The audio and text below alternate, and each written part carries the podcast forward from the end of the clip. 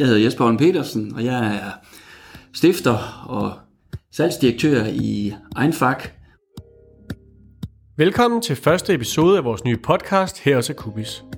En podcast, hvor vi vil behandle en række emner, som alle kredser omkring den her store paraply, som vi kalder for fintech. Vi lægger hårdt ud, og har i dag inviteret Jesper Holm Pedersen fra Einfak i studiet for at tale om fejlkultur og hvordan man kan bruge det som et ledelsesværktøj. Velkommen til Jesper. Tak skal du have. Dejligt at være her. Som nævnt, så kommer du fra virksomheden Einfak. Kan du ikke lige øh, kort fortælle, hvad det er, I laver hos Einfak, og hvad det er for en virksomhed? Det vil jeg meget gerne. Einfak er øh, virksomhedernes eksterne økonomiafdeling. Det vil sige, at vi hjælper øh, vores kunder med at holde styr på deres økonomi, holde styr på tallene, så de kan styre deres virksomhed og have ro i maven. Det er de helt klassiske øh, bogholderidyder med bogføring og betalinger, lønadministration, fakturaservice, og så laver vi rapporter til ledelsen og bestyrelsen. Så vi er en flok bogholdere, regnskabschefer, økonomichefer og controller, som øh, hjælper vores kunder hver dag med at holde styr på, på økonomien. Hvad er det for en type virksomhed, der som oftest gør brug af en ekstern økonomiafdeling? Kan du lige øh, kort prøve at opsummere det? Jamen, der er mange forskellige. Jeg tror, det vi kan sige, det er, at, det er, at vores kunder de ønsker at have styr på deres økonomi, og så bruge deres tid andre steder. Øh, de har en bevidst strategi om, at det er ikke noget, de behøver at have i huset. Det vil de gerne have nogle kompetente folk udfor til at lave for dem. Øhm, og så nogle gange så har de også problemer med at ansætte de rigtige kompetencer i økonomiafdelingen. Det kan være, at de både har brug for en bogholder og en økonomichef og måske lidt controlling også. Og det kan være svært at presse det ned i, i en enkelt person. Øh, så der kan vi sammensætte en pakke øh, af flere personer, som man ligesom øh, dækker øh, flere kompetencer. Så, så fleksibilitet og, og så de rette kompetencer i økonomifunktionen er det, jeg synes, vores, øh, vores kunder øh, efterspørger. Øhm, det er virksomheder, mange af vores kunder er virksomheder, der lever af at sælge deres timer, altså hvor de har timesagsregnskab eller projektstyring. Øhm, og så mellemstore virksomheder, der ønsker at, at digitalisere, men, øh, men har svært ved at få, få drevet den proces øh, internt. Øh, det, digitaliseringen sparer jo rigtig meget tid i bogholderiet, så, så ofte hvis man har kompetencer til sidde internt, så, øh, så kan det være svært at køre den proces selv. Rigtig mange øh, reklamebyråer, kommunikationsbyråer, øh, øh, rådgivende IT-virksomheder, øh, der sælger konsulenter, øh, og så er de alle sammen et ønske om, om digitalisering, så de kører på, på de nyeste cloud-systemer og, og ønsker at have en, øh, en digitaliseret hverdag øh, i, i deres bogholderi. Øh, og så, fordi de er digitaliseret, så ligger de over hele landet. Men Jesper, der er en helt særlig grund til, at vi har inviteret dig forbi i dag. For som jeg nævnte indledningsvis, så skal vi tale om fejlkultur og hvorfor det kan være sundt at omfavne sin fejl. Og hvis jeg skal være sådan helt ærlig, så er revisor og bogholder jo ikke sådan det første, der springer op i hovedet på mig, når jeg tænker fejlkultur og det at indrømme at bruge sin fejl øh, til noget nyttigt. Fordi de er vel i virkeligheden øh, fuldstændig fejlfri, er de ikke?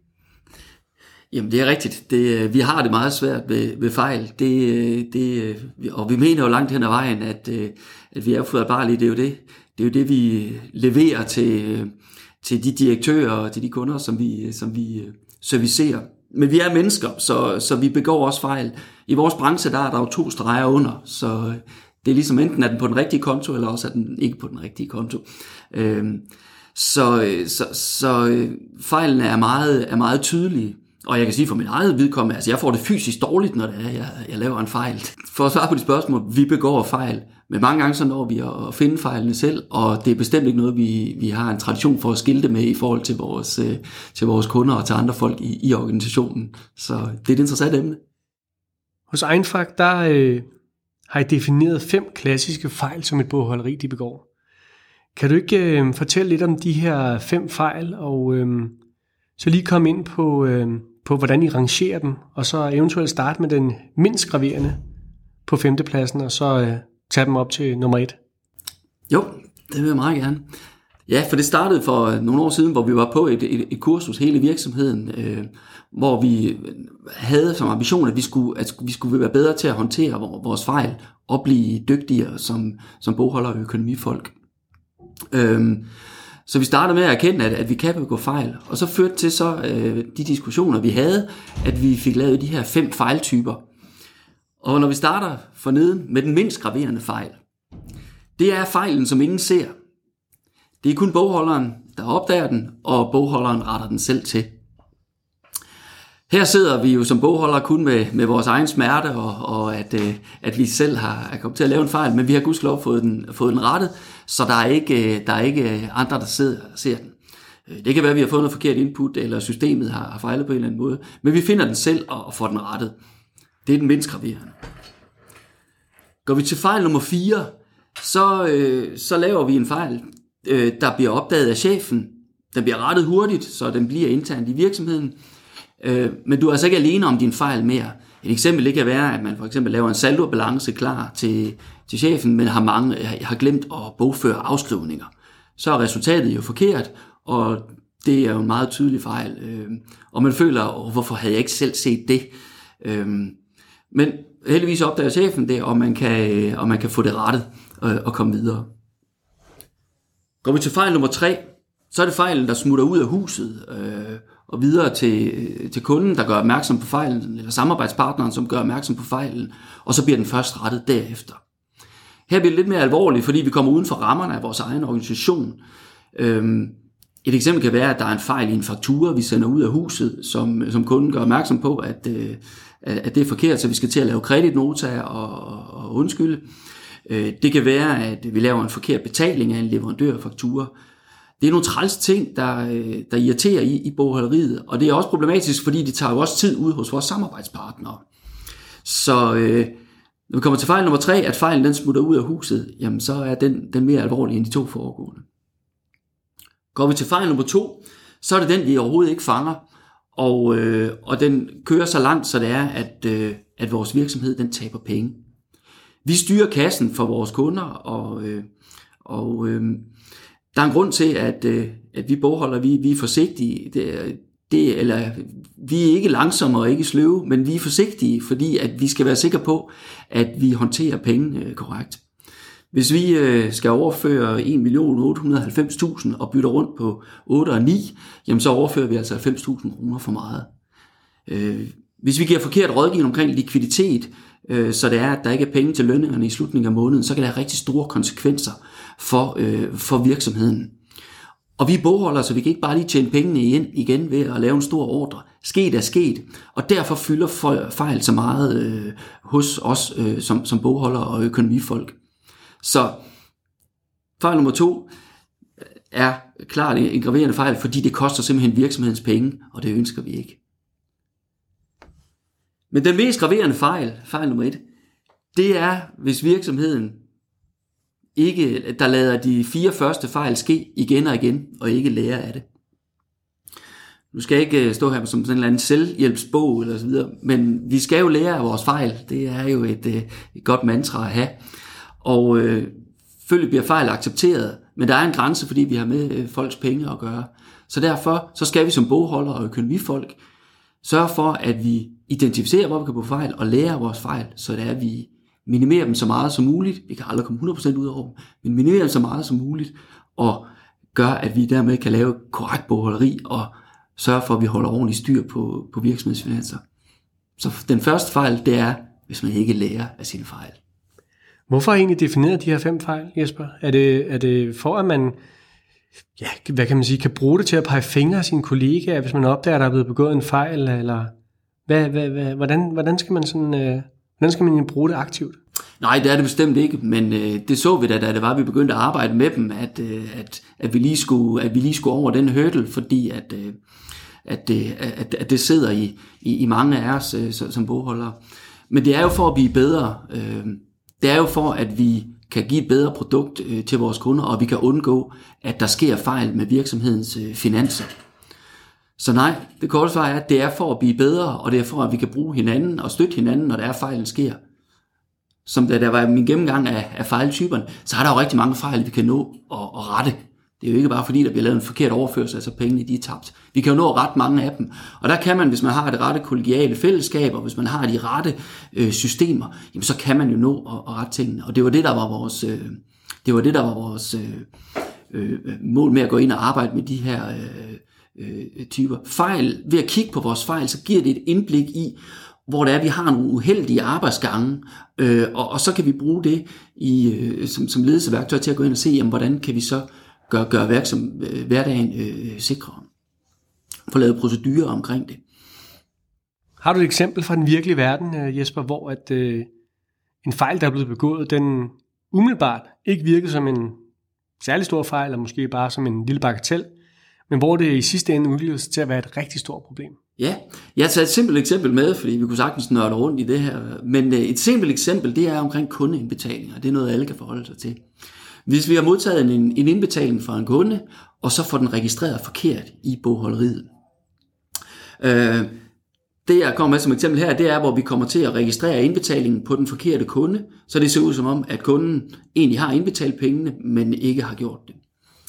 Øh, den her kunde, som vi så fejlagtigt har, har registreret øh, en indbetaling på, går lige pludselig konkurs.